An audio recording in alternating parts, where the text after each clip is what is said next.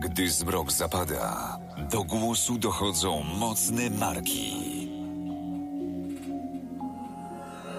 Herra on Air. Nocne rozmowy o sporcie, biznesie i przedsiębiorczości. Wyjątkowi goście, aktualne tematy. Mówimy jak jest. Bez ściemy, cenzury i kompromisów. Na żywo. Zaczynamy. Cisza w eterze.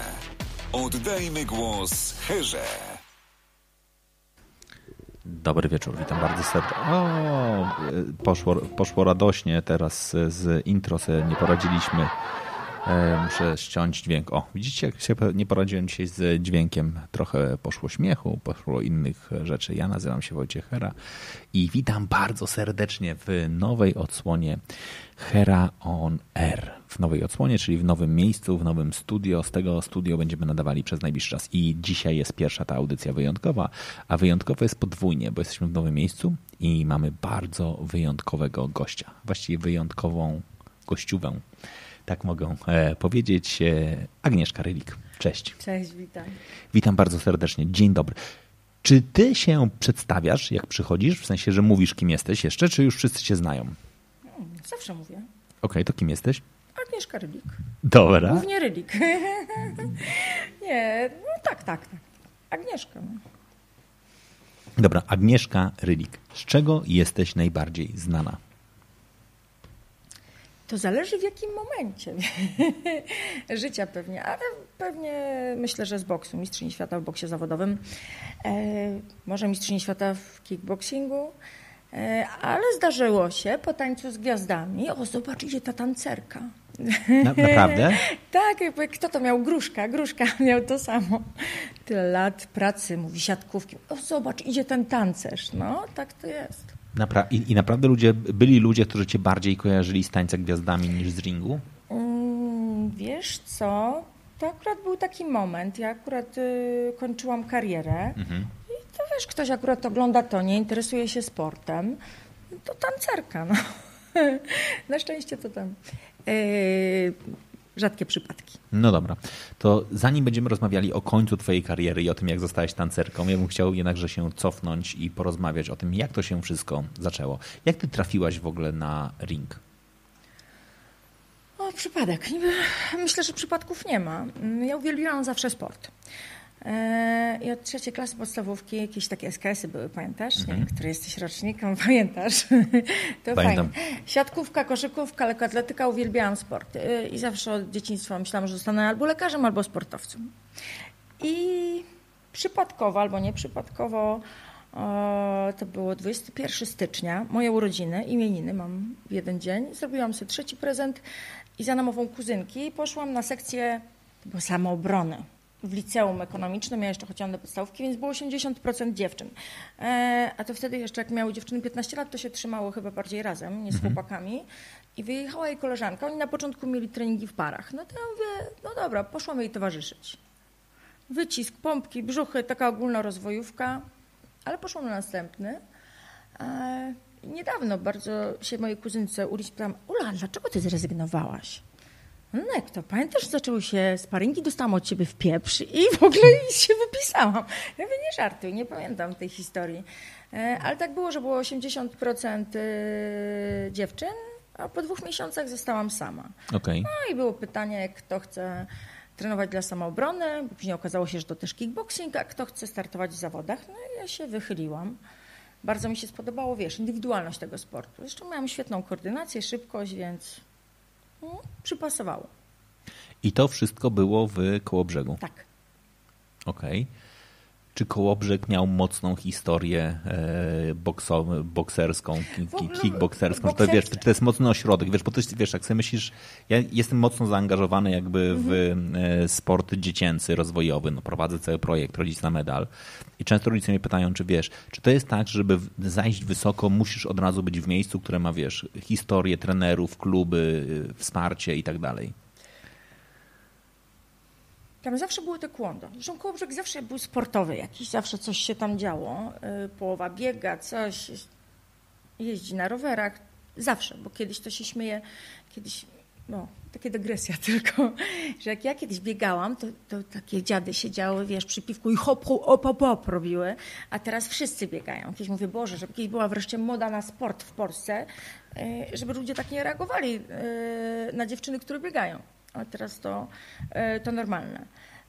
Natomiast tam był, było taekwondo, była mistrzyni świata w taekwondo, ITF, mhm.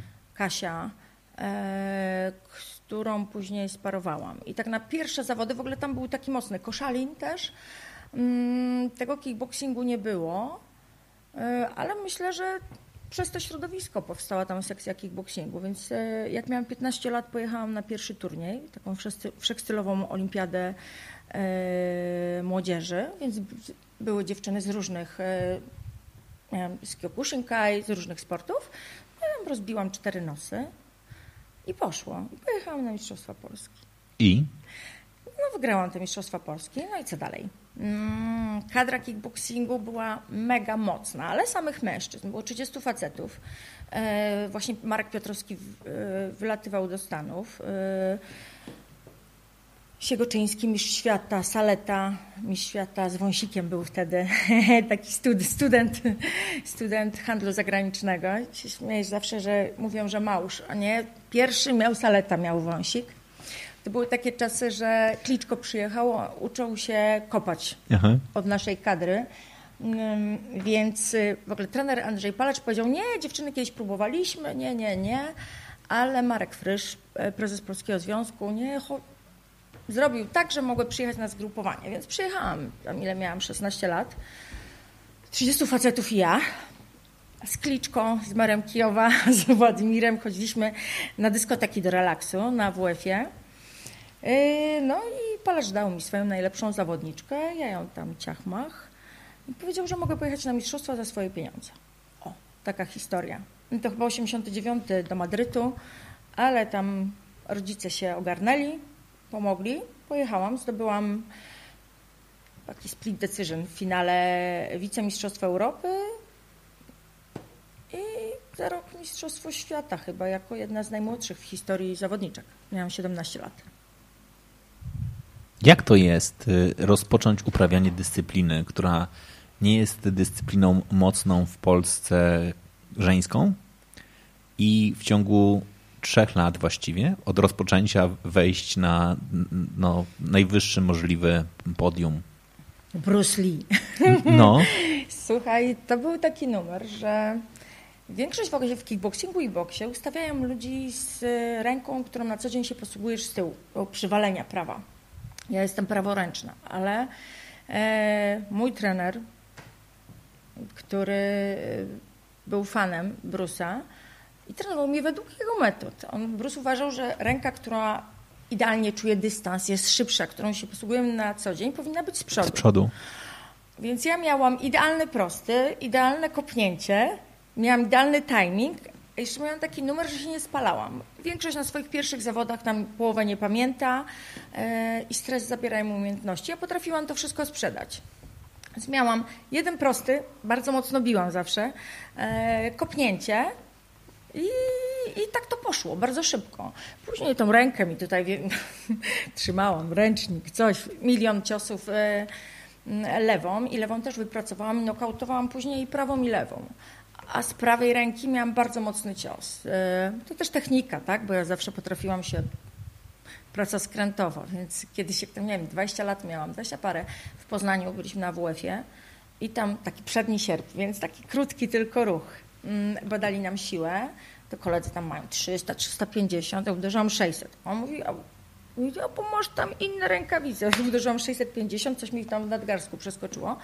Mm, ale to jeszcze za czasów kickboxingu. Więc jak ja miałam 18 lat, to kiedyś na międzynarodowych mistrzostwach Niemiec przychodzili trenerzy, patrzyli, co ja mam za rękawice, nie? że za mocno biję.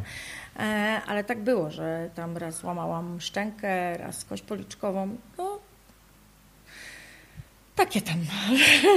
Słuchasz, no nie patrzysz. No. Nie, bo, bo to jest w ogóle fantastyczne, co, co, co ty pokazujesz. Czy twoim zdaniem to jest sport dla dziewczyny? Myślę, że to jest sport dla odpowiednich ludzi. Okej. Okay. E, bo też nie, nie każdy facet nadaje się do sportu walki. trzeba mieć odporność psychiczną, bo głowa tam bardzo dużo znaczy. Mm, Trzeba mieć serce do walki. Mm, I myślę, że to dla pewnej grupy ludzi. I nie, nie chodzi o kobiety ani, e, ani o facetów, bo część facetów też się nie nadaje. Mi zawsze mówili, e, w ogóle zawsze się z Krzysiem Kosadowskim, nie wiem czy kojarzysz, e, medalista Mistrzostw Europy, bokser. On zawsze, nie, ten jest dobry, ten ma dobrą rodzinę, coś tam studiuje prawo, nic z niego nie będzie. Ja co ty gadasz? Jak ktoś chce, to może wszystko. Ja byłam wzorową uczennicą, nie byłam w ogóle... Pff, uwielbiałam po prostu sport, wiesz, prowadziłam y, apele, pisałam wiersze, robiłam milion różnych rzeczy y, i to akurat nie wykluczało, mm, żeby się nauczyć tej twardości, że mnie życie jej nie nauczyło, tej odporności psychicznej. Ja rzucałam milion razy te rękawice, że tam w dupę się w ogóle do, do tego nie nadaje, tak? E, ale gdzieś tam wyryczałam się i ruszałam dalej, tak? Y, więc można. E, więc to nie tak, że ktoś tam musiał, och, co pani się stało, co pani się musiało zdarzyć w życiu, że pani poszła e, i się bije. Zresztą ja byłam jakby prekursorką, cały czas była relikt, to niech się uczy do matury, a to do garów, a coś. Więc teraz jak tak sobie chodzimy przez centrum handlowe tam z mamą, ja mówię, mamo widzisz, o, to też przez ciebie tam wszędzie, wiesz, na reklamach te dziewczyny w rękawicach, e, a gdzieś tam przetarłam szlaki. Niezłe. Ty, ty, ty powiedziałaś o bardzo ważnej e, kwestii, znaczy wspomniałaś mamę i to jest pewnie bardzo ważne. Jak twoi rodzice reagowali na to, jak ty poszłaś dokładnie na, na sporty walki? Mama zażenowana, że dziewczynka się bije. W ogóle co to jest? Kickboxing to już w ogóle nikt nie wiedział. A ojciec super. Mam siostrę 5 lat starszą, absolutnie sportowa. Zawsze mówi, zajebałaś wszystkie najlepsze geny, nie? Żartujemy sobie. Ale yy, yy, ojciec się cieszył. Mm, Nie było. Ale wiesz co? Tego nauczyli mnie rodzice i ja to samo ro, robię, chyba wychowując moją, moją córkę. Wsparli mnie w takim momencie. Nieważne co, chcę, patrzyła, przecież pomogli mi, żebym pojechała na te pierwsze- mistrzostwa Europy, musieli wyłożyć pieniądze. E, I mama e, do końca jeździła wszędzie, na przykład walczyłam w Manchesterze, dwie przesiadki, coś, krople uspokajające i pod ringiem, tak? Tak sobie myślę później, jako matka, ja to horror w ogóle przeżyła. A, szczególnie jak widziała czasem background przygotowań, nie wszystko szło dobrze i zamiast na przykład sparingów leżałam pod kroplówkami, e, no to tam swoje przeżyło. Ale mama zawsze wspierała, ojciec też oczywiście. No dobra.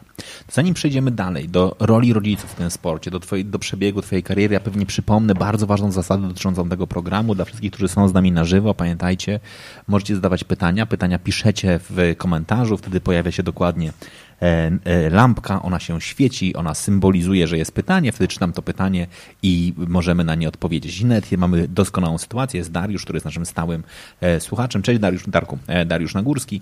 Czy zdarza się Agnieszce, e, że trafia na macho, którzy chcieliby się spróbować i prowokują słownie, a może i czynnie? Jak na to reagujesz i czy radzisz sobie z takimi szczepkami? No właśnie, faceci w ogóle pro, pro, Nie, po, no, podchodzą? Nie, no to faceci to są, wiesz, truchają się, to, że to kobiety tak już takich rzeczy prawie nie robią. Ale, ale, ale Nie, nie, nie, ma tak, że, że faceci ci za- zaczepiają i mówią, wiesz, tam jest- 600 używać, to chodź, chodź, chodź. Nie, nie, czasem jest tak tylko pani Agnieszka, pani mnie tak uderzyła, dlatego mówię, to są drogie rzeczy, nie stać pana.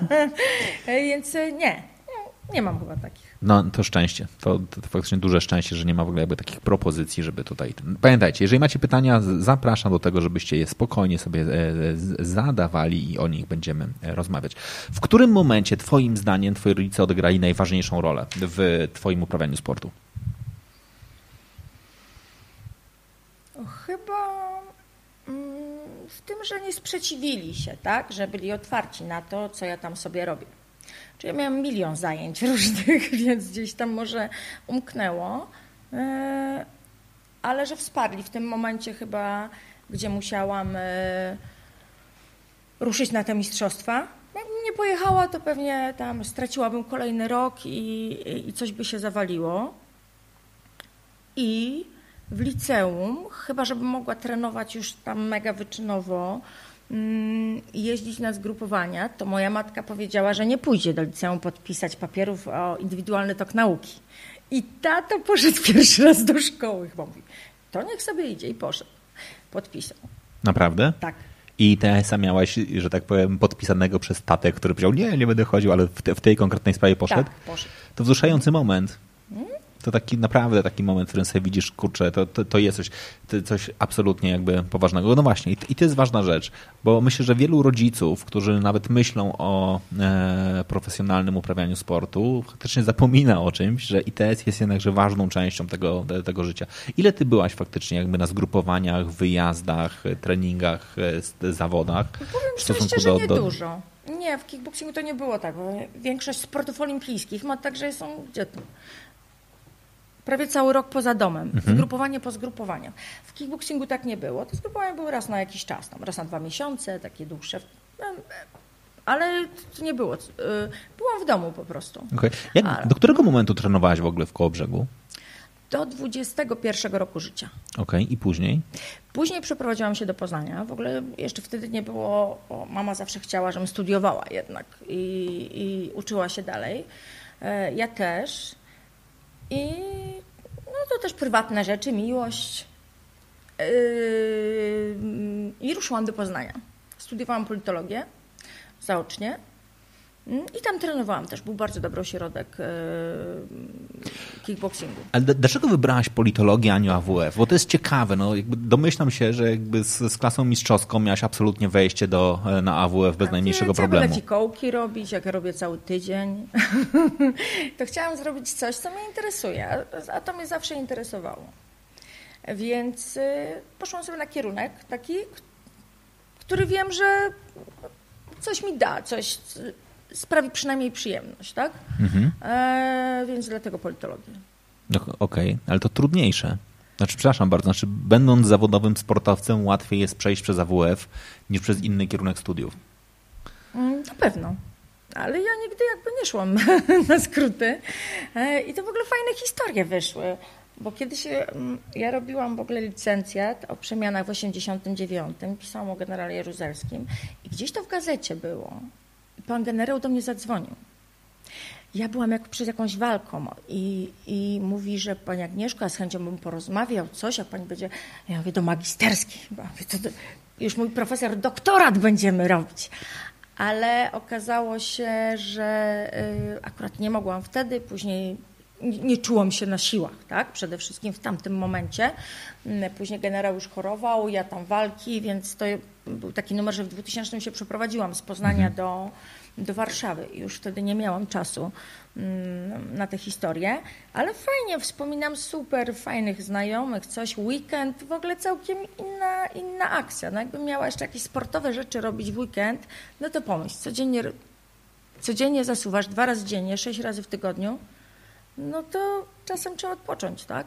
I zrobić coś fajnego, innego. Okej. Okay. Ile twoja, twoja córka ma w tej chwili? Dziesięć. Dziesięć już ma. I jak, I jak sportowo?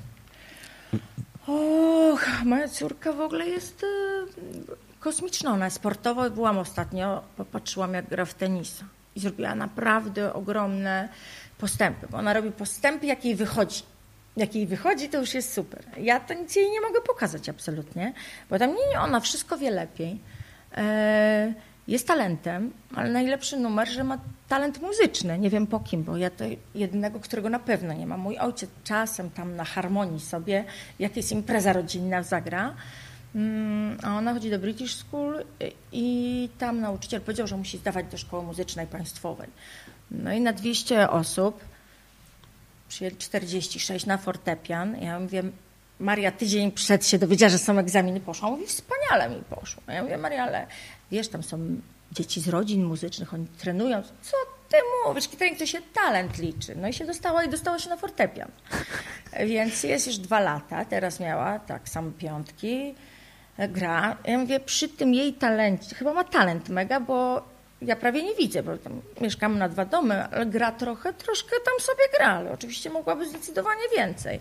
Więc chyba jest talenciarą, tak? E, ale zaskakuje mnie, zaskakuje. E, sportowo super, koordynacyjnie, ale to taka leniwa trochę, leniwa. Ale nie wykorzystuję tego. Ale myślisz y, w ogóle, że e, będziesz ją, nie wiem, prowokowała, podpowiadała jej, żeby poszła, bez względu czy to jest kariera muzyczna, czy to jest kariera sportowa, obydwie mają dokładnie ten, ten sam mianownik, on jest na koniec oparty o presję i ciężką pracę. Znaczy, to są jak ktoś jest zawodowcem, no. jak, jest zawodowym sportowcem, ja zawsze mówię, że sport wyczynowy, to trzeba zamordować i siebie, i głowę. To nikt nie chce tego dla swojego dziecka. Absolutnie. Ja pamiętam, jak e, z ojcem Marysi dawaliśmy, ona chciała na balet, bo te paczki, coś. Mhm. O Boże, Jezu, żeby tylko im się to nie, żeby jej się to nie spodobało. Bo została baletnicą, to mu chyba umarł. Ja robiłam chyba 11 lat w Dzień Dobry TVN z wszystkimi sportowcami. To ja wiem, jak te baletnice wyglądają, co oni mają z nogami, jaki to jest hardcore wszędzie. Ludzie widzą tylko tą taką fajną stronę. Mhm. Ja chciałam kiedyś zrobić taką drugą, ale to to się nie sprzedaje przecież, nie? Bo wszystko musi być fajnie, ładne e, i musi być tylko to super. A, a to ciężki kawał chleba. Więc Marii pokazuje różne rzeczy. Ona jeździ, jeździ na, na, na nartach, e, chodzi na gimnastykę, dobrze pływa. Robi wszystko, się ruszała, ale e, no cóż, wszyscy mówią, a jakby jej się spodoba. Zabrałam ją też na trening, to mi te tarcze głośno tu strasznie, mamo, w ogóle jest. I, I co? Jak będzie chciała, to po prostu będę ją wspierała na tych kroplach, jak moja matka. A będę tam stała w narożniku. No co zrobić? To ładne. Ładne, co powiedziałaś, bo że faktycznie jest tak, że w dużej mierze no niestety, jak, jak patrzę sobie na wszystkich swoich przyjaciół zawodowych sportowców, to mimo tego, że często ich dzieci mają bardzo mocne geny, które faktycznie po, po, powodują, to, to, nie mają takiego przekonania, żeby bardzo mocno wspierać swoje dzieci w e, zawodowym, ale z kolei kolejne pokolenie już, e, już z reguły te, tak, to tak się bardzo ładnie przewija, przewija. Co, co, co, dwa pokolenia jakby, o, żeby ten... Czekać, czekać, na, no, na wnuczkę czekać, czekać na wnuki. Ale Maria ma, ma, ma charakter, taka jest to mieszanka niezła genetyczna. Na kiedyś a, miała 5 lat i biegniemy. O, ja mówię, Maria, ty już szybko biegasz. Mówi, nie mamo, ja wcale tak szybko nie biegam, ja po prostu mam duży charakter po tobie.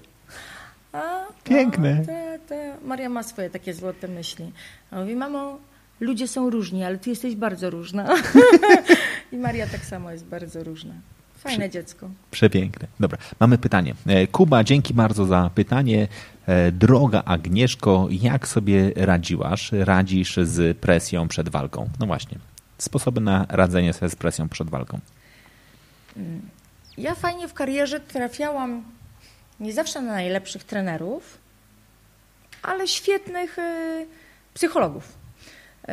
Y, pracowałam na początku z z Jackiem Urbańczykiem, który w ogóle trenował dziewczyny w, w Polonii w koszykówkę. Mhm. A ja w ogóle jestem koszykarką, ale to już inna historia. To, nie widać, nie? Wzrostem. A tam za trzy jeszcze rzucam pewnie z jednej ręki. E, tam on mnie wyłączył z emocji w ogóle przed, przed walkami.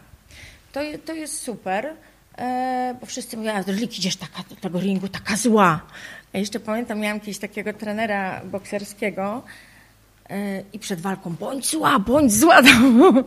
A to wszystko absolutnie odbywa się na koncentracji. Świetny jest numer, bo ludzie się nakręcają.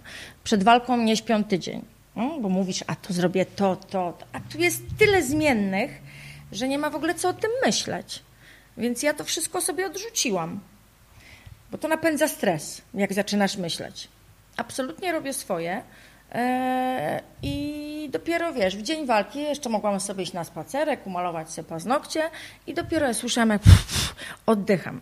Najgorszy stres jest w tej szatni, wychodzisz, ale tam właśnie absolutnie też go w miarę opanowałam, bo go się nauczyłam, że jak e, rozgrzewam się w szatni z ludźmi, tam musi być mega koncentracja, i jest taki numer, gdzieś tutaj pują ci ręce, że zawijają. I ja wtedy mogłabym usnąć. Mam taki numer, że ziewam, położyłabym się i usnęłam. Tak działa stres. Później muszę się obudzić i najważniejsze to mega koncentracja, szczególnie y, idąc do ringu. Kiedyś miałam taki, no, walczyłam pierwszy raz w brzegu rodzinnym. Cała hala, ja tam lokalny matador, wszyscy mnie znają, ja znam wszystkich. Tam na, patrzyłam na y, MC nogi, żeby nie spojrzeć z boku, żeby nie stracić koncentracji. O, wiesz, same znajome twarze, a tam trzeba jeszcze hymny, coś, to to, to są emocje. E, I fajnie mnie nauczył mechanika, tak? Ja to mam, milion razy uderzyłam, koncentracja. Nie ma tam żadnych... E, ja myślę, że to też mój atut, bo ja na zimno walczyłam. Nie to, że wiesz, uderzysz, chcesz, dostaniesz kontrę, chcesz oddać. Nie, ustawiałam, jaki błąd popełniłam, bardziej polowałam sobie na zimno, zaczynałam, odcinamy nawet, wiesz, można się pośliznąć, wylądować na deskach, ciach, nie ma tego, Uff, zaczynasz od początku. I to jest fajne, bo nie można się w pewnym momencie też podpalać. Wiadomo, że jak trafisz, to idziesz za ciosem. Ale jest jeszcze taki numer, że jak chcesz mocno uderzyć i, e, i znokautować kogoś, to wiesz, sygnalizujesz. E, zabiera ci to bardzo dużo siły, a niech przetrwa przeciwnik, to jeszcze masz tam 8 rund ci na przykład zostało, a to jest kawał walki. E, więc ta, a, zawsze byłam bardzo skoncentrowana, tak? Na zimno walczyłam i to do wszystkich sportów jest super. I nie myśleć e, przed, nie nakręcać się, bo jest tyle zmiennych, że bez sensu nie spać tydzień przed walką. To jest niesamowite. Dobra, ja bym wrócił do tego jakby walczenia. Uciekłaś mi trochę od mikrofonu, o, więc przepraszam. nie uciekaj i to, i to będzie ok. Dobra, ty powiedziałaś o bardzo fajnej rzeczy, że w walce jak coś nie wyszło, umiesz zresetować i powiedzieć zaczynamy od nowa, robimy swoje. To nie jest naturalne. Znaczy, jakby to nie jest. No, ja, ja nie jestem dobra, no, jakby od strony na, na, koniec dnia, jakby psychologii sportu pracuję z wieloma zawodnikami, którzy tego nie mają, którzy faktycznie i sobie to zbierają, te wszystkie swoje porażki i tak dalej, i sobie tak, tak ładują do swojego kubełka z, z nieudanymi. Ty mówisz, że go od razu nazwijmy to wylewasz, czyścisz i, i grasz swoje, i, i robisz swoje. Skąd ci się to wzięło? To wiesz, to, to, to nie jest łatwa cecha, też bardzo pożądana zresztą. Mm -hmm. Mm -hmm. Przegadaliśmy dużo na ten temat. E że trzeba ucinać emocje. Mhm.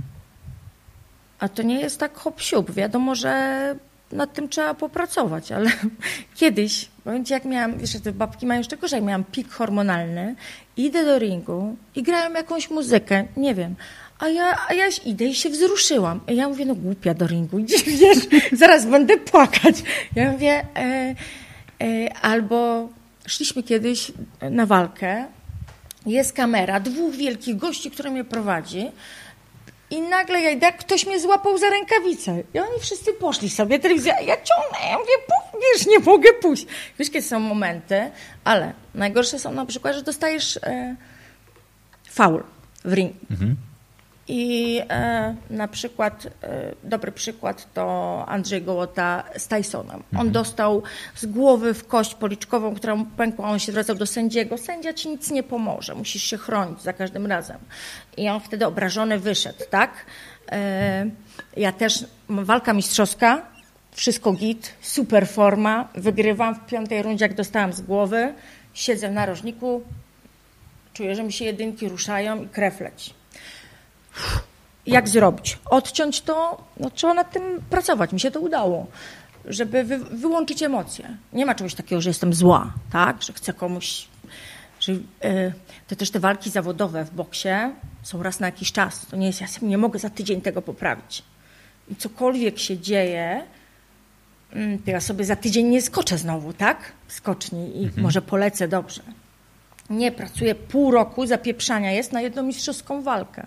I cokolwiek się dzieje, wiesz, trafić z formą idealnie trzeba, a zawsze wiesz, jest nie tak, a to coś, a to tam hormony mogą walnąć, różne rzeczy, możesz się przeziębić, więc tu trzeba mieć yy,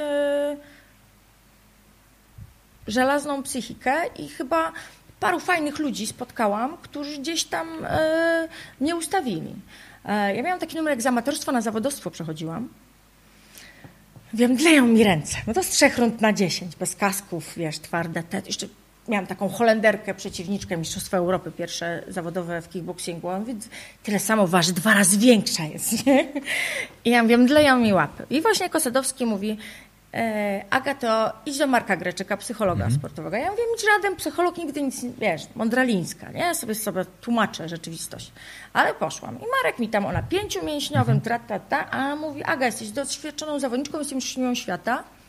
Stoisz przed lustrem i mówisz, jestem najlepsza, jestem mistrz, jestem niezwyciężona. I ja od tamtej pory przed każdą walką i nie tylko, tak się afirmowałam, że ja wchodziłam w ogóle bez. Nie było nawet myśli takiej, że coś może pójść nie tak. Wczoraj, przedwczoraj to tłumaczyłam koleżance, która miała sprawę sądową.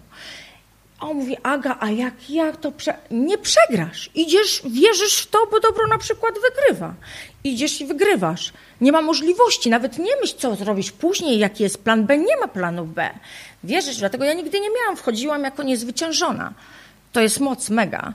I, e, i to się przydało w takim momencie, kiedy miałam taką totalną awarię. E, i zamiast sparować, to leżałam pod Śmigielskiem. Mój ortopeda, który mnie sześć razy operował swoją drogę, swoją drogą. Dostałam jakiegoś tam w ogóle zawrotów głowy, refluksu, coś, a to ze stresu. Za dużo rzeczy naraz. I wylądował, mówi, głupia, zabrał mi telefon i pod kroplówkami mnie położył. I jeszcze z Igą Cembrzyńską, wtedy film kręciliśmy, takie 48 godzin z życia kobiety, walczy, walka w Sopocie. I rano jeszcze kręcimy ten film na plaży. Kto biegnie? Kuzaj z Markiem Graczykiem. Mówię, Marek, kurde, to co pamiętasz, co mi powiedziałeś, 10 lat na tym jadę. I tego też uczę, uczę ludzi. To genialne. To wtedy, wiesz, kiedy ja byłam w ogóle nieprzygotowana, nie w ten sposób, tak? Ale nie wezmę L4, no bo taka jestem, bo jest cała, wiesz, historia, milion ludzi zaangażowanych, kontrakt, to i to. Mm, mam dwie ręce, dwie nogi. Wchodziłam zawsze e, z mega wiarą w siebie, tak? Że nawet jak coś tam nie idzie, odcinasz, bo to masz jeden cel. To, fa to fajne, fajne, bo to można, wiesz, ostatnio pracowałam z takimi piłkarkami i jedna w ogóle się prawie nie odzywała. Ja mówię, poprowadź za ciotkę rozgrzewkę, bo zrobiłam też im trening. Mówię, a ja tutaj muszę podłączyć tam głośnik, coś, a ona tak, no, ja mówię, no ale nie poprowadzisz? A on mówi, a ile wy się znacie? Cztery lata. Nikt nie wiedział, że ona taka zamknięta. A ja mówię, umiesz ho! On, ona w ogóle na mnie patrzy, jak na... Ja mówię, masz stać przed lustrem codziennie i mówisz, jestem najlepszą rozgrzewkową na świecie. I jest, dostaje czerwone kartki. Tak się nie odzywała, to robił ha i, i rzuca się na mnie, na ciocię Rylik. Można tworzyć, wiesz, to emocje. Mm, to fajne są rzeczy. Afirmacja jest dla wszystkich super. Więc ja zawsze mówię do ludzi, że życzę im uśmiechu do siebie, bo to, to, ze sportowcami wiesz, bo to psycholog, wiesz, jak my zawsze możemy lepiej przecież, mhm. nie? Wszyscy nas gnębią duszą przez lata, żeby pokochać siebie, bo to jest taki, e, no, to kawał, kawał roboty, szczególnie dla sportowców. Ale chodzi o to, żeby się afirmowali, bo takie ładowanie siebie dobrą energią naprawdę może zdziałać cuda i otworzyć ludzi, szczególnie sportowców. Jak ja bym wiedziała parę rzeczy wcześniej, parę lat, kurde. Okej, okay. no dobra. Ale powiedziałem, do tej pory mówimy tutaj dużo o walkach, które wygrywałaś, ale nie wszystkie wygrałaś. Tak. Jak radzisz sobie z presją już kibiców, fanów, tych e, fanów mniejszych, tych kibiców kanapowych, którzy uważają, że mają prawo po przegranej walce wylać e, dużo swojej frustracji? Mm, powiem ci, że jedną miałam fajną porażkę w kickboxingu. Fajna była, ona była, była w dobrym momencie. Mieszkałam w Poznaniu, byłam nieprzygotowana do tej walki. Jakoś studia, coś tam, wszystko przyjechałam. Przyjechało, wystawili mi taką Ukrainkę, Jeszcze oczywiście program telewizyjny leciał. Mm, apetyt na zdrowie taki był. Sobota 11. Mhm. Tam jeszcze wtedy mało programów było. Wszyscy widzieli, jak dostałam taki mega wpieprz. Mistrzyni, coś tam. Naprawdę dramat. Ja wiedziałam, że ja przegrałam bardziej ze sobą, mhm. tak? I, I to dla mnie było w życiu, na tym sporcie gdzieś tam się traci zdrowie. Mhm. Ja mówię, w życiu nie wyjdę już do walki nieprzygotowana. Ale to był taki numer, że nie tyle co ja się tym przejęłam. Trener załamany. Wchodzę, moja siostra rozdygotana, jak zobaczyła to w telewizji, a idź z tym swoim sportem. Zostałam gdzieś sama. Ja musiałam wszystkich uspokajać, że wszystko jest ok. I półtora miesiąca później były Mistrzostwa Świata w full kontakcie. Pierwsze moje, full, byłam na Mistrzostwach Europy i wiedziałam, że ta Ukrainka będzie w mojej wadze i oni wszyscy na mnie krzyżyk postawili. E, no relik to nie, co ja wiedziałam, że to jest to, co się stało. Mm, to kwestia tego, że nie byłam przygotowana odpowiednio. Bo jednak to jest taki fajny sport, albo niefajny, że możesz mieć super umiejętności i być mega mistrzynią. Jak nie masz kondycji, no to w tej drugiej rundzie ci opadną rączki i dostajesz w pieprz od, od, wiesz, od gościa z baru, tak? E, I, mm, I tam to pierwszy raz odczułam, jak ludzie, gdzieś tam jest presja, ale y, ja to już chyba przepracowałam trochę wcześniej, że robię to dla siebie, nie dla kogoś innego, że mam w dupie wszystkich, co kto mówi, e, kto robi, mam, wierzę w siebie i wiem, jakie mam umiejętności. E, I wygrałam te mistrzostwa, zdecydowanie wygrałam. E, I tak samo było też w boksie. Miałam jedną taką walkę, w której walce mi jednej trzeciej strzeliła Achilles. W Vegas walczyłam w Mandalay Bay E, w drugiej rundzie miałam ją na deskach, a później mi strzeliła ta noga. Ja nie pamiętam nic od drugiej. Była moja, twoja do końca e, i split decision. E, mało tam brakowało. Mm, I co? A, to Relik to już gwiazda, bo ona tu pracuje, coś, gdzie ona tam będzie. To jest najgorsza operacja, rehabilitacja. Chodzisz trzy miesiące o kulach, wiesz, wyciągasz codziennie tą nogę w krwi zapieprzasz, a tam ci mówię, ma ona się już do niczego nie nadaje, bo to gwiazda, bo coś tam, bo sro... Ludzie nie wiedzą mm, i, i, i, nie należy się tym przejmować. Ja zawsze mam mało tego hejtu, ale mówię zawsze kolegom, kiedy się e, Grzesiu Proksa, świetny bokser, ja mówię, Grzesiu, się tak przejmujesz, skoczysz, mówię, zrobisz fiflaka, to, znokautujesz gościa i tak ten gość, co tam wpierdolą te frytki i siedzi sobie powie, że jesteś beznadziejny, że to sprzedana walka, że kupiona. Ludzie żyją tym, bo tym karmią się taką złą energią. Po co ci to? W ogóle to odciąć, te wszystkie takie rzeczy, to nie ma sensu. Najważniejsze, wiesz, kim ty jesteś i co robisz, tak? No, więc każda porażka była, była, była po coś. Wiadomo, że jest presja, jakby walczysz o wszystko. Miałam taką walkę. E, o dwa pasy mistrzowskie. Albo wygram, albo nie wygram. Z bardzo dobrą zawodniczką w Manchesterze. Pierwszy raz całowałam ring chyba, że, że przetrwałam. Była cały czas taka, wiesz, presja. Ona później e, wygrała wszystkie swoje walki. Została mistrzynią świata tam paru federacji. To jest o. obłędne. To jest obłędne, bo ty pokazujesz faktycznie no, bardzo, bardzo dużą dojrzałość. E, ty późno zaczęłaś, nie? Miałam 15 lat. To jest późno jak na ten sport, czy to jest ok? Znaczy, dobra, ja powiem tak, ja wiem, że dzisiaj mamy inny, inny świat, tak? Znaczy mamy świat, w którym dzieci nie zaczynają piłkę nożną uprawiać mając dwa latka, moi chłopcy mają 10 lat. Ja myślę, trochę... że do ukierunkowania wcale nie. Jak, e, wiesz, ja robiłam bardzo dużo sportu. Mhm. E, tylko różnego. E, więc byłam, wiesz, miałam świetną podbudowę. Okej. Okay wystarczyło. Też miałam, ale to też było taki numer, że miałam indywidualne treningi. Wiesz, jaki robisz progres, jak ktoś tylko nad tobą pracuje. Mhm. Mm, mm. Więc można oczywiście wcześniej, tylko akurat w sportach walki nie możesz robić tych, wiesz, sparingów, takich rzeczy. To chyba nie wiem, czy to w ogóle jest pewnie od 12 chyba roku życia.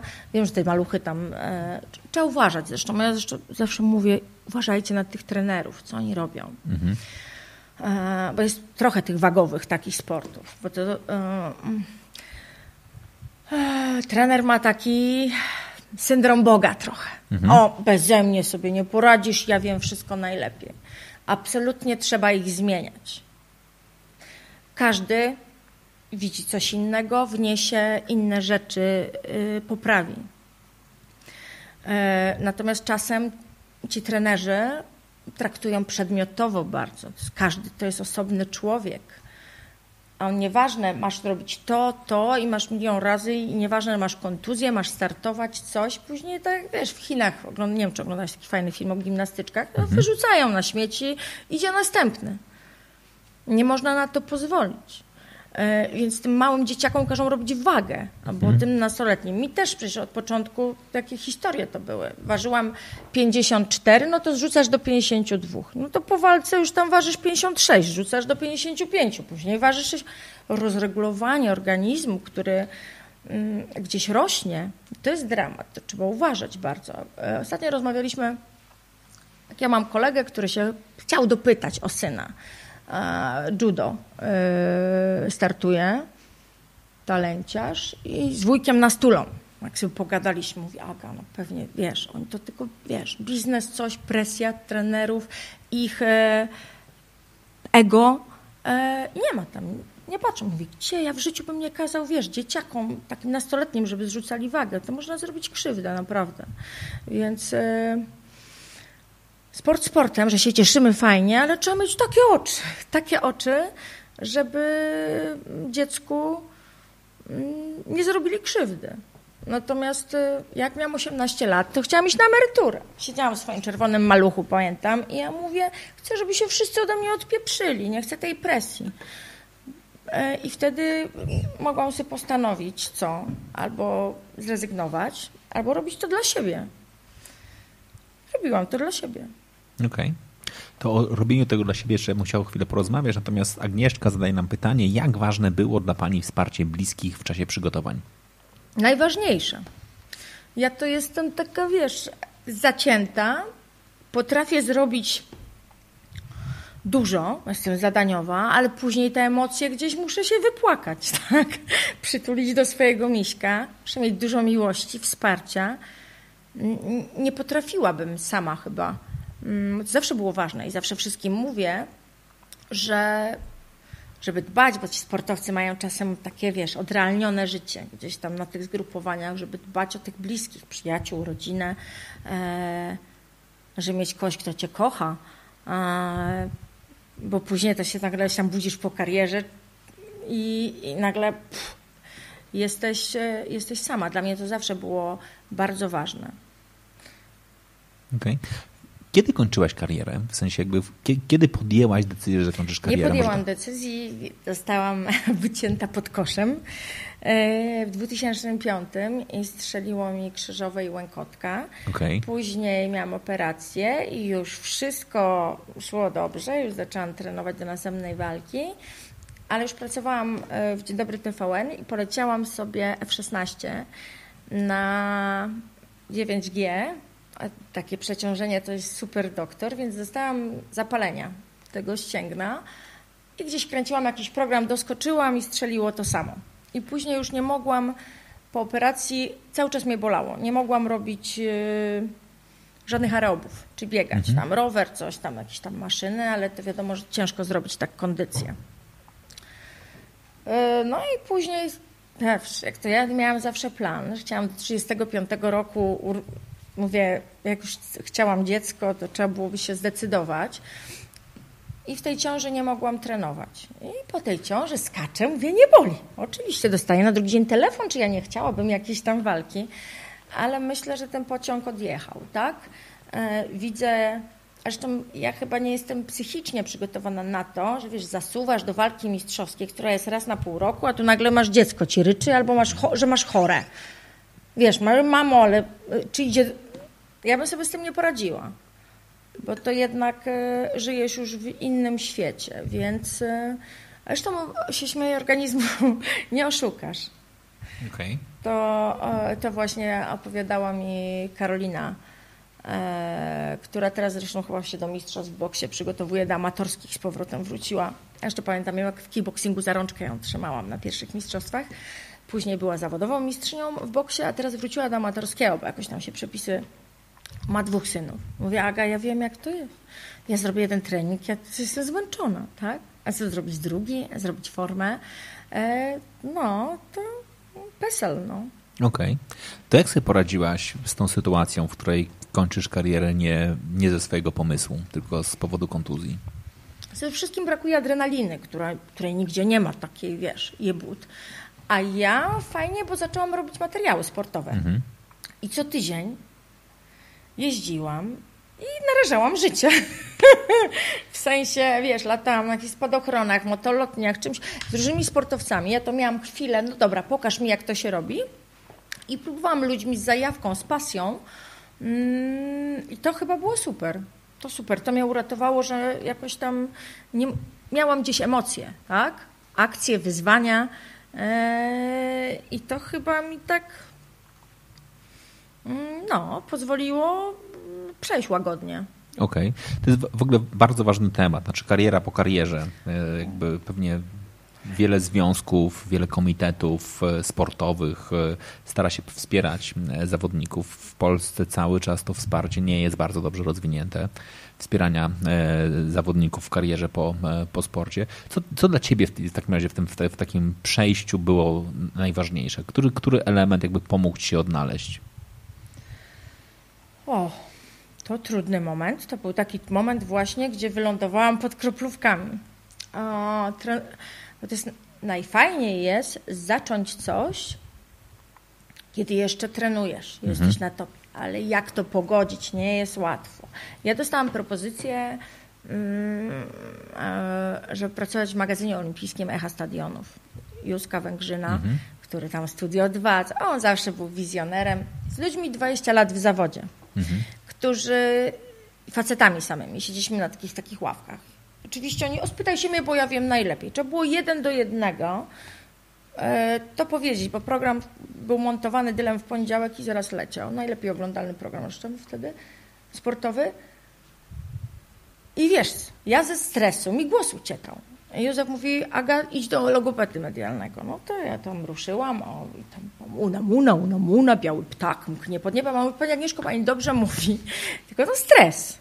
Później się już wycwaniłam e, i mówiłam sobie, nie przekrzykiwałam się z nimi, zadawałam sobie pytania, bo i tak musieli mnie wmontować, że tam jestem. I jakoś to było, ale to ogromny stres. Ja nie chciałam wyjść tam z garderoby, bo tam jest krzyk, coś, wiesz o co chodzi. Później jeszcze w tym samym czasie kręciłam z Igą film i wiesz, co mi się stało? Pierwszy raz coś takiego miałam. Jeszcze tam e, nie doszła teściowa, e, czyli czułam, że coś jest nie tak, taki, wiesz, złą energię. Jak mnie pieprznęło, nagle mi się w głowie zakręciło i dostałam refluksu. Takiego, że jadę, wiesz, trzy pasy i wybiegam na okopowe i wymiotuję. Sparowałam, sparuję, już nie ściągałam rękawic, wymiotuję i, i sparuję. No ale poszłam się zapytać e, Roberta Śmigielskiego, ja tam jak w domu, bo tam z tym cały czas, wiesz, awarie e, różnych e, rzeczy. On mówi, zabrał mi właśnie telefon i zamiast sparować, położył mnie pod kroplówkami, nie? Więc jak przyjechałam do Sopotu, wtedy walczyłam i jeszcze wieczorem mi próbuje tam wpiąć kroplówkę lekarz i ktoś puka. Ja w takiej piżamce, w takie baranki fioletowej od mamy dostałam na dziecko. I otwieram, a tam Andrzej, nie? Mówi gołota, mówi, a ty jutro walczy? Ja tak. Trup, absolutny trup, więc to... E, zapłaciłam za to dosyć wysoką cenę, ale przeżyłam, przeszło. Za dużo rzeczy się zbiegło, tak? Dlatego jak e, ktoś się pytał, jak ważne jest e, dobra energia ludzi i wsparcie, to jest bardzo ważne, bo może akurat jakby ta niedoszła teściowa się tam nie przypieprzyła, to może by jakoś poszło. Ale no to, to, to był taki ciężki moment. I później już wiesz, poszło. Okej. Okay. Angażujesz się dzisiaj jeszcze jakby zawodowo w działania sportowe gdzieś? Nie wiem, jesteś w jakichś klubach, pojawiasz się? Wiesz co? Myślisz o swoim własnym klubie, ja, sekcji? Wiesz co, ja robiłam e, w jednym klubie, ale który e, gdzieś tam e, nie w porządku się trochę zachował. Bardzo, bardzo lubię. Robię jednak takie mam kontrakty wizerunkowe mhm. i gdzieś tam od lat pracuję z hotelami, gdzie prowadzę taki fitboxing.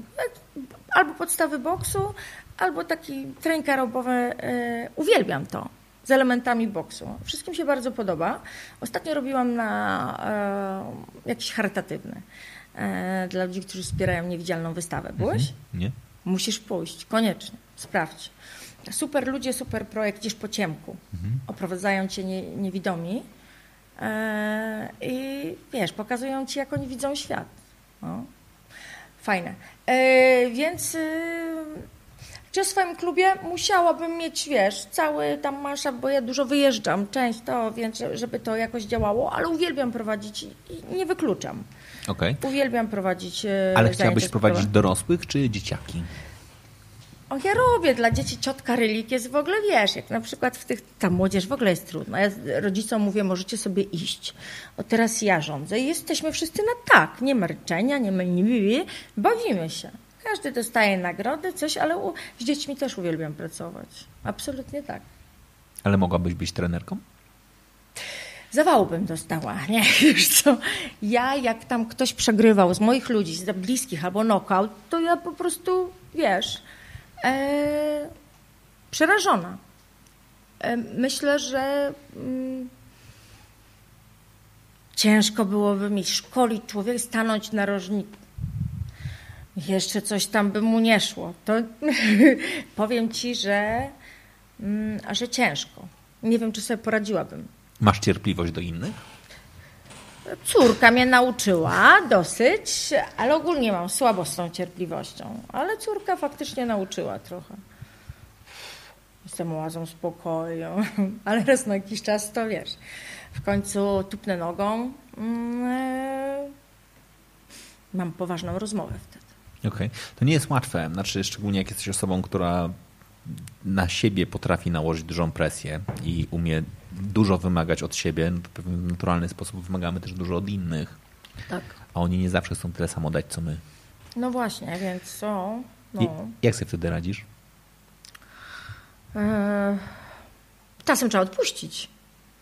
Każdy ma swoje życie, swoją drogę. Chce, możesz po pomóc, pokazać, ja zawsze jak coś robię, to angażuję się w 100%. Mhm. Tak? Robię ten trening, to ja nie robię, tylko ja robię to z ludźmi. Więc się dwa razy męczę o, mocniej od nich, bo wie, gadam, biegam, pomagam i tak dalej. Więc yy, każdy ma swoją drogę, tak? Jestem czym kiedyś taka byłam czarno-biała bardzo, a teraz wiem, że jest od cholery, od cieni szarości. Mm, I to też jest jakby tam z wiekiem przychodzą, jak myślisz, że masz 20-30 lat, czy wiesz wszystko, gówno wiesz. Masz 40, też gówno wiesz.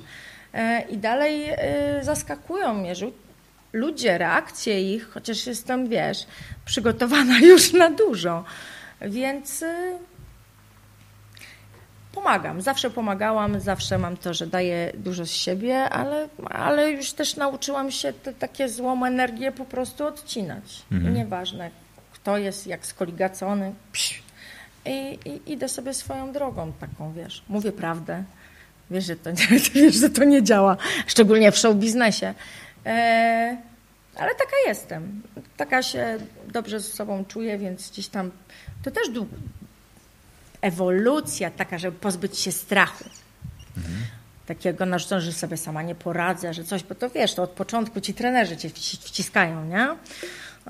Od, od dzieciństwa, że to, to, to. Mm, I tak myślisz sobie, relik fighterka, mistrzyni świata, że może się boi. Miliona rzeczy. Ale wywaliłam to wszystko z głowy. E, no i wtedy przychodzi moc, bo jak już wierzysz w siebie, wywalasz te wszystkie strachy głupie, mm, to się inaczej żyje, prościej chyba. Mhm. Co dzisiaj robisz? Najbardziej. Gdybyś dzisiaj miała się zdefiniować, to kim dzisiaj jesteś? Hmm.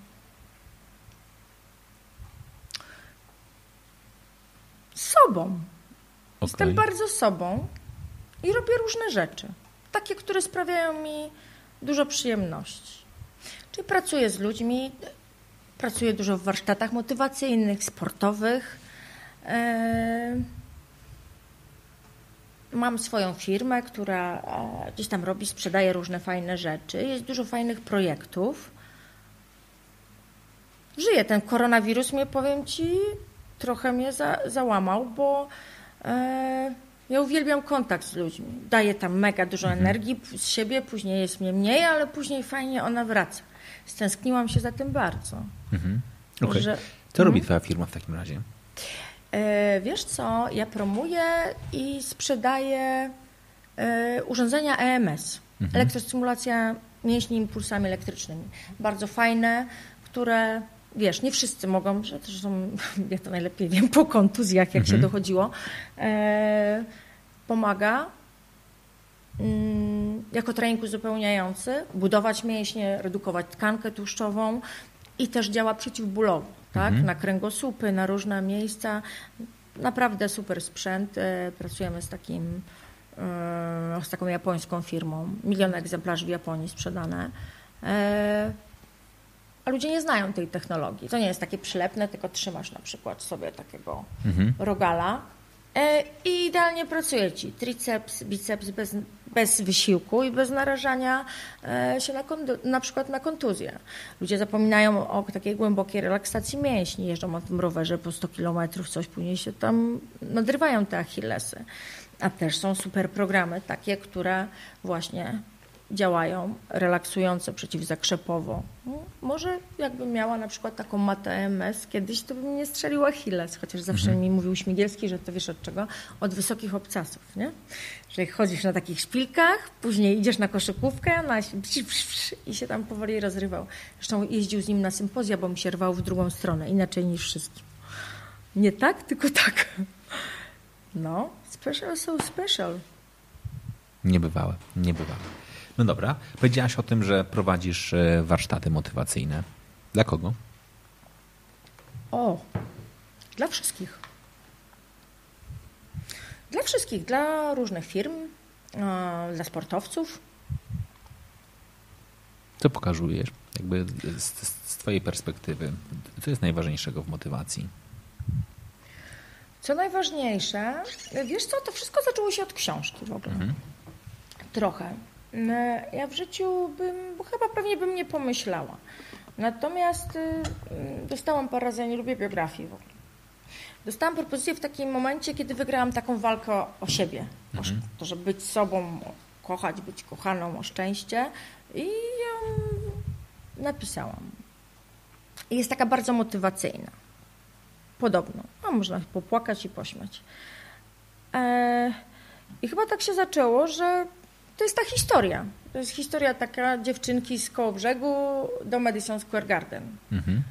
E, gdzie ja wszystko to przeżyłam. Z dołami, z górami. E, jak sobie z tym wszystkim poradzić.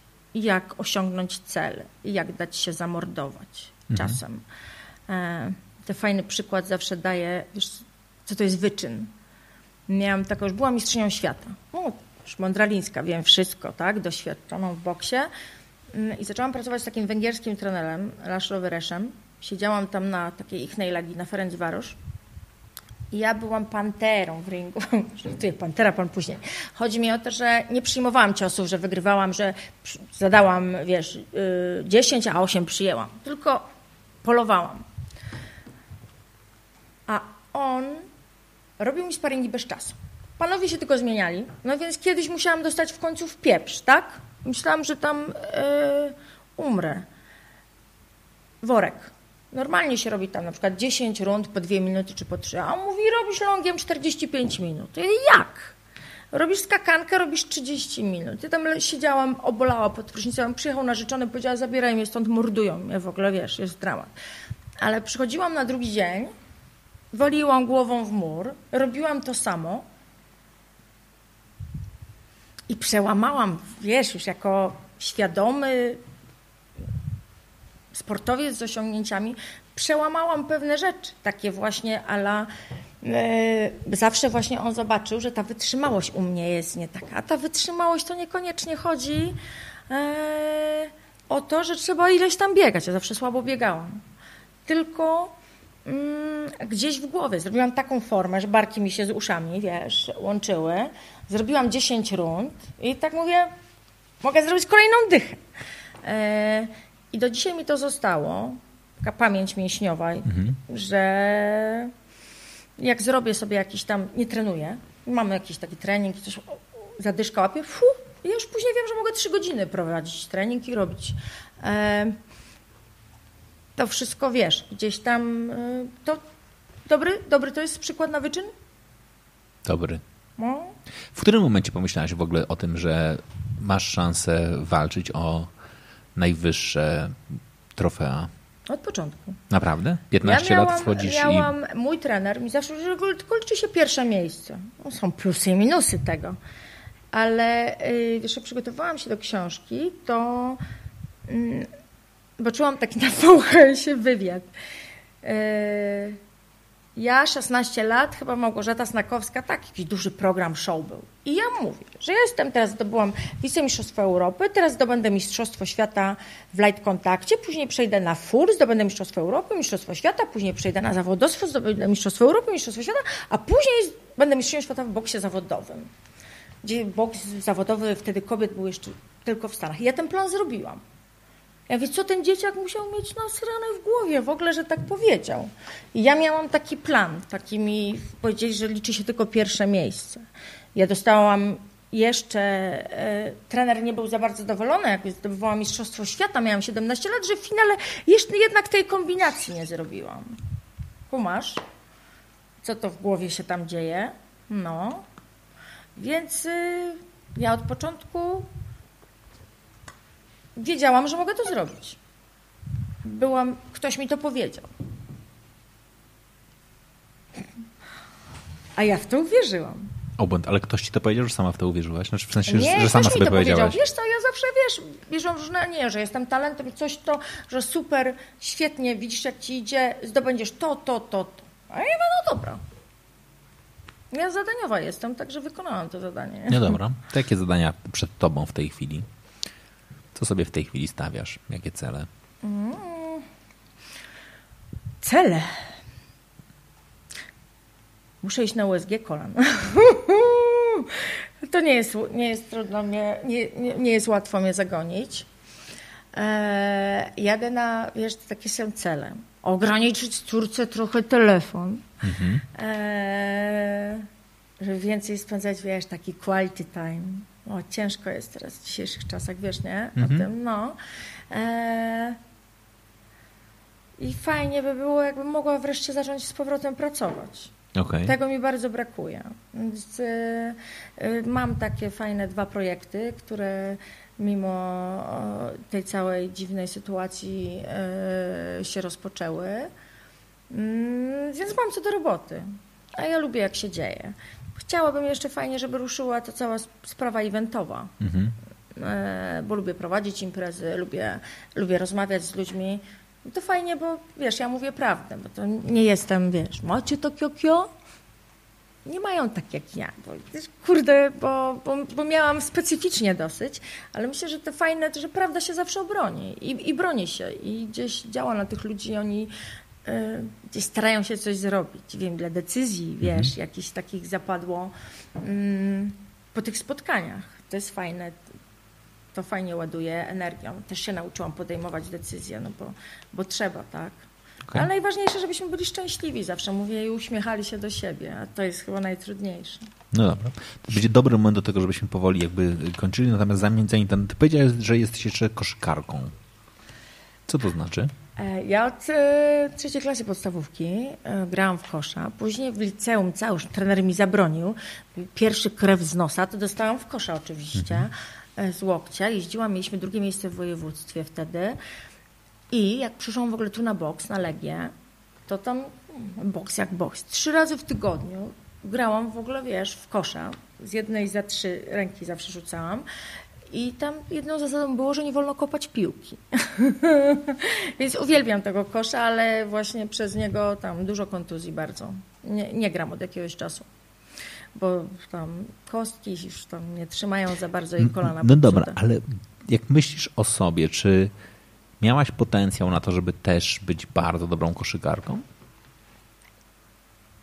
Co kiedyś jeden trener Zawiszy mówi, jak ja tak patrzę i oglądam różnych sportów, bo ja wiesz, gdzieś tam, czy jak pani gra w tenisa, to czy coś, to pani byłaby e, dobra też w innych sportach. Mhm. Może chodzi o koordynację, o szybkość. Ja się śmieję, że szybkość mi została jeszcze, jak kiedyś tam zasuwałam ostatnio. A Mówi, Aga, ale ty masz szybko się szykujesz do walki? Ja mówię, nie, po prostu nie zdążyłam z formą na 40, robię na 50. Więc myślę, że mam uwarunkowania takie sportowe. Ale dobrze się czujesz w sporcie drużynowym? Właśnie to mnie wkurzało zawsze, wiesz, że no, no, moja koleżanka w banku pracuje w Warszawie też, z koło brzegu. On mówi, byśmy e, klasami takimi ogólnymi, graliśmy z jakąś angielska z niemiecką i gramy w siatkówkę, a ja dziewczyny, no idzie.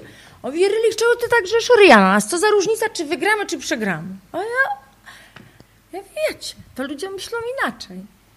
E, więc, sport, więc ten kickboxing indywidualny, że wszystko zależało ode mnie, mm, to było genialne, dlatego mnie tak, wiesz, pociągnęło. Okej. Okay. O czym jest książka? Pokażesz? Jasne. Książka jest taka, wiesz co, jest o historii mm, od dzieciństwa, że ledwo przeżyłam. Miałam taką kartotekę nie, nie na policji, tylko u chirurga. Miałam cztery razy głowę strzywaną. Moja siostra sobie nigdy nic nie zrobiła. Ja byłam w ogóle dziecko z trup. E, najwyższe drzewa, wszystko. A później, no, parę rzeczy jest myślę, że ciekawych. E, takich... E, sportowo, ale przede wszystkim życiowo. Taka życiowa wyszła. Okay. Przeczytasz, to ocenisz. No dobra, ale bo ja, ja dalej jednak, ty powiedziałaś, by, byłam, byłam dziecko z trup. To faktycznie jest tak, że no, można o tym mówić, że byłaś w ringu e, Pantera, że, że, że, że czekałaś na właściwy moment, że nie wchodziłaś w wymiany cios za cios, tylko gdzieś tam chodziłaś i szukałaś mm. dobrego momentu, no ale jednakże swoje musiałaś przyjąć. No jasne. No, to oczywiste. Mało. Jak na siebie mało. Naprawdę? Tak. Nie, bardzo mało ciosów przyjmowałam. Ksiniaki to miałam głównie na, na barkach. Eee, raz miałam pod okiem, to faktycznie, po walce w Stanach. A tak to rzadko, e, największego siniaka to miałam jak sparring partnerka, zamiast leżeć to łokciem dostałam. To, to, to właśnie zepsuła mi całe przygotowania. A tak to... Czyli ty sobie radziłaś, czy nie było tak, że jako też, bo myślę o tym dokładnie też o, z perspektywy bycia e, kobietą, mhm. no, dla której faktycznie domyślam się, że również wygląd jest istotną częścią jakby mhm. i jest ważny i jesteś w sytuacji, w której okej, okay, poobijana po zawodach to jest istotny element, ale jak sobie radzić z takim normalnym, wiesz, później życiem, że idziesz, nie wiem, do galerii handlowej i masz właśnie podbite, podbite nie, oko. no to i... mówię ci, że zdarzyło mi się dwa razy w życiu i to największe to miałam, raz się zdarzyłam w podstawówce z kolegą z za rogu, mhm. to miałam drugi raz, spadłam z ringu, ale to e, gdzieś byliśmy w Świdnicy, wynajęliśmy ring na sparingi, schodki nie były zaczepione. I ja rozgrzałam się, schodzę ubierać sprzęt i spadłam na beton mnie rodzice zobaczyli, to powiedzieli, że w życiu nie będę trenować. Ja mówię, mama, tylko z ringu spadłam, ja to kalectwo niezłe jestem. A trzeci to właśnie mnie sfaulowała na sparingu, z łokcia dostałam. A tak to, to no, nie, nie, to nie, nie było źle. Okej, okay. to skoro o, skoro o sparingu i o nieczystej e, walce, Dariusz zadaje pytanie, ale bardziej pewnie nie sparingowe. E, czy podczas walki, kiedy przeciwniczka gra nieczysto, tak, co się w, dzieje, że tak powiem, u ciebie w głowie wtedy, tak? Znaczy, co się wtedy faktycznie pojawia? Trzeba trzymać koncentrację. To jest bardzo ważne. Nie możesz się obrażać, nie możesz się odwracać do sędziego, coś. Sędzia nie wszystko widzi. Mhm. Czasem nie jest za tobą.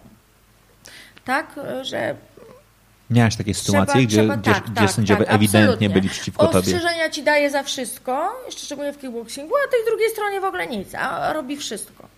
To w kickboxingu też mi nerwy siadały, absolutnie ale w boksie już chyba byłam na tyle doświadczona i, i, łapałam tą koncentrację, że trzeba było bardzo uważać. Musisz się chronić do końca, bo zresztą sędzia mówi przed walką, musicie się chronić, nie, wiesz, sędzia jest tylko osobą z boku. Wiadomo, że y, to tak może ci przelecieć walka. Opowiadałam ci o tej walce na Węgrzech, mhm. dostałam z głowy. Dobrze była końcówka rundy, bo ja taka, wiesz, zamroczona, walka wygrana, tak? Piąta runda. I siedzisz. Siedzisz w narożniku, ostatnio pokazywałam go. Mm, tak sobie, wiesz, macam te jedynki, krew leci, ścieka, to oczywiście dyprymuje. Ja nigdy nie miałam rozcięć, ale bardzo ważne jest, że dobry katmen był w narożniku, e, który, wiesz, zalepia, potrafi to zrobić, bo lekarz może przerwać tą walkę, no i co, tracisz tytuł. To straszne jest yy, przez głupotę jakąś, tak? Czy ktoś sfaulował. Trzeba bardzo uważać w tym ringu, ale nie zawsze, no to jeszcze trzeba mieć szczęście. Ale tutaj to trzeba, nieważne czy tam coś ci, wiesz, leci, musisz to odciąć i skupić się na walce. skoncentrować na tym, iść dalej. To jest w ogóle niesamowite. Teraz właśnie powiedziałaś o funkcji, która moim zdaniem jest, jak sama mówisz, dość istotna, a bardzo często niedoceniana. Znaczy, nie wiem, ja nie wiem, jak, jak nie wiem, patrzę sobie nie, na biatlon na przykład, który jest mocno zaangażowany, to tam naj, naj, najbardziej niedoceniani są oczywiście serwismeni, a powiedzmy sobie szczerze, jak oni ci nie, nie nasmarują dobrze nart, no to, choćby nie wiadomo tak. co, to się nic nie, nie stanie. Ty powiedziesz o Katmenie, czyli o osobie, która faktycznie jakby, no właśnie, jaką ma główną rolę w, w, w ringu? Catman e, przede wszystkim wiąże ci ręce. Mhm. E, to też trzeba, wiesz, e, porządnie to zrobić. Ja na przykład w Las Vegas pracowałam z Catmanem Floyda Maywatera. Mhm. Tylko mogłam razem z nim trenować sobie na zajęciach, bo tam sala była zamknięta. Taki Rafael Garcia, taki zawsze miał beret z takimi milion tych takich znaczków mhm. z całego świata. E, to są, którzy mają swoje mieszanki, różne rzeczy. Też walczysz o, o mistrzostwo. Jakiekolwiek rozcięcie głębokie, wiesz, są, są mistrzowie, które mają mega, to adrenaliną, czymś, no ratują, tak? I spokój mają, taki mega spokój. Jeszcze miałam takiego super katmena, jak on się nazywał. Jeździł też w, e, angielski. Ale to jest tak, że e, masz swojego po prostu, jakby, który jest członkiem twojej ekipy?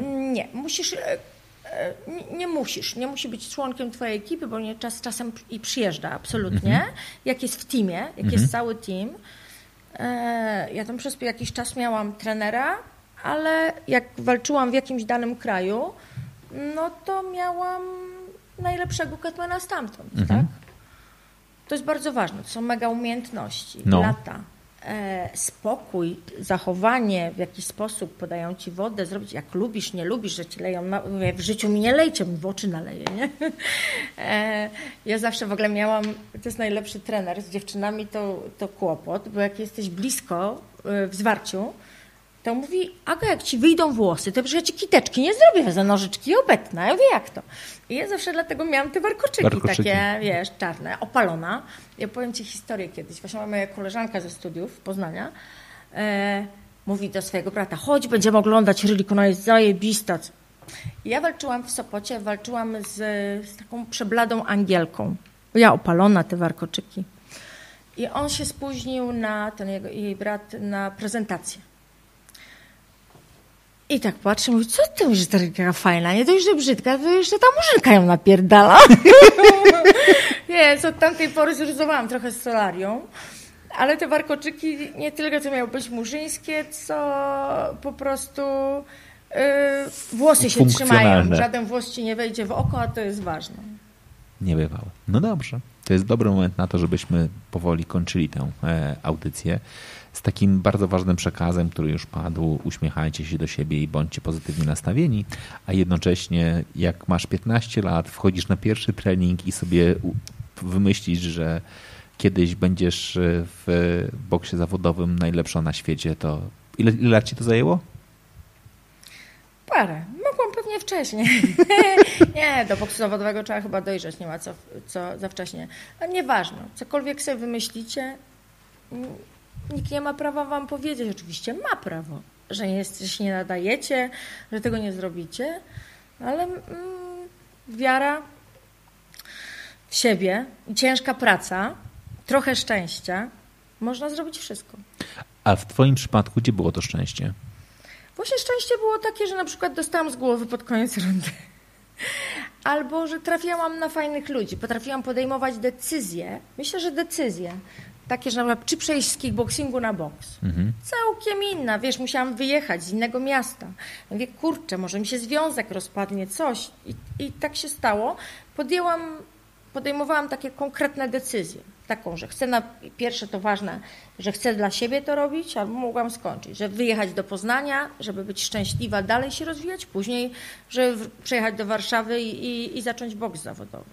I okazało się, że po ośmiu latach, po, nie, po jeden, po 11 latach kickboxingu ja się zakochałam w ogóle w boksie. Że myślałam, że kickboxing to jest to, a okazało się, że boks jest moją dyscypliną, że jest spokój.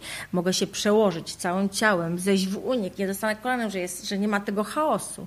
Więc ja, wiesz, więc warto próbować i być otwartym na trenerów, e, i, i wiesz, na nowe możliwości. W ogóle ciekawe. To nie jest naturalne przejście, nie? Z reguły jakby częstsze przejście jest w drugą stronę, nie? Czyli z boksu na kickboxing, czy... Nie. Nie? Chyba... Chyba nie. Z boksu na kickboxing? Mhm. To nie jest tak, że ludzie... No, może, czy części wiesz, ciężko jest, bo tu masz bardziej boczną pozycję. I od kopania do boksu, to tam jest, wiesz, takie... Nie, nie jest to hop -siup. Myślę, że łatwiej się nauczyć boksować niż kopać. Okej. Okay. Czyli dobrze. No dobrze. Ja dziękuję Wam bardzo, że byliście dzisiaj razem z nami. Waszym gościem była Agnieszka Rylik, która dziś ma kilka nowych projektów, które wrócą, e, jak tylko zakończy nam się e, lockdown, który chyba trochę namieszał, nie? Namieszał. Nam. Ile ci namieszał? Tak jakby jak patrzę na swoje plany, plany zawodowe, jakby aktywność, ile ci wyciął? 99. Okej. Okay. No ale miałam trzy testy, jestem zdrowa i to jest najważniejsze, bo mogłam być chora. Więc y, zawsze może być gorzej, priorytety. Na szczęście wszyscy zdrowi i czekamy aż przejdzie. No dobra. Wszyscy czekamy aż przejdzie. Za dzisiaj bardzo serdecznie e, dziękuję. To jest ten moment, kiedy możecie, będąc razem z nami na żywo, klikać w emocje, czyli kciuki w górę, serduszka, uśmiechy po to, żeby faktycznie zalać e, ekran. No, jeżeli słuchaliście tej audycji na e, Spotify'u, na iTunesach, czy, czyli na podcastach, czy na pozostałych elementach, pamiętajcie, że można również oceniać i wysyłać komentarze. Za dzisiaj bardzo serdecznie dziękuję. Waszym gościem była Agnieszka Rylik. Dziękuję bardzo. Dziękuję bardzo. Do zobaczenia. Dziękuję bardzo.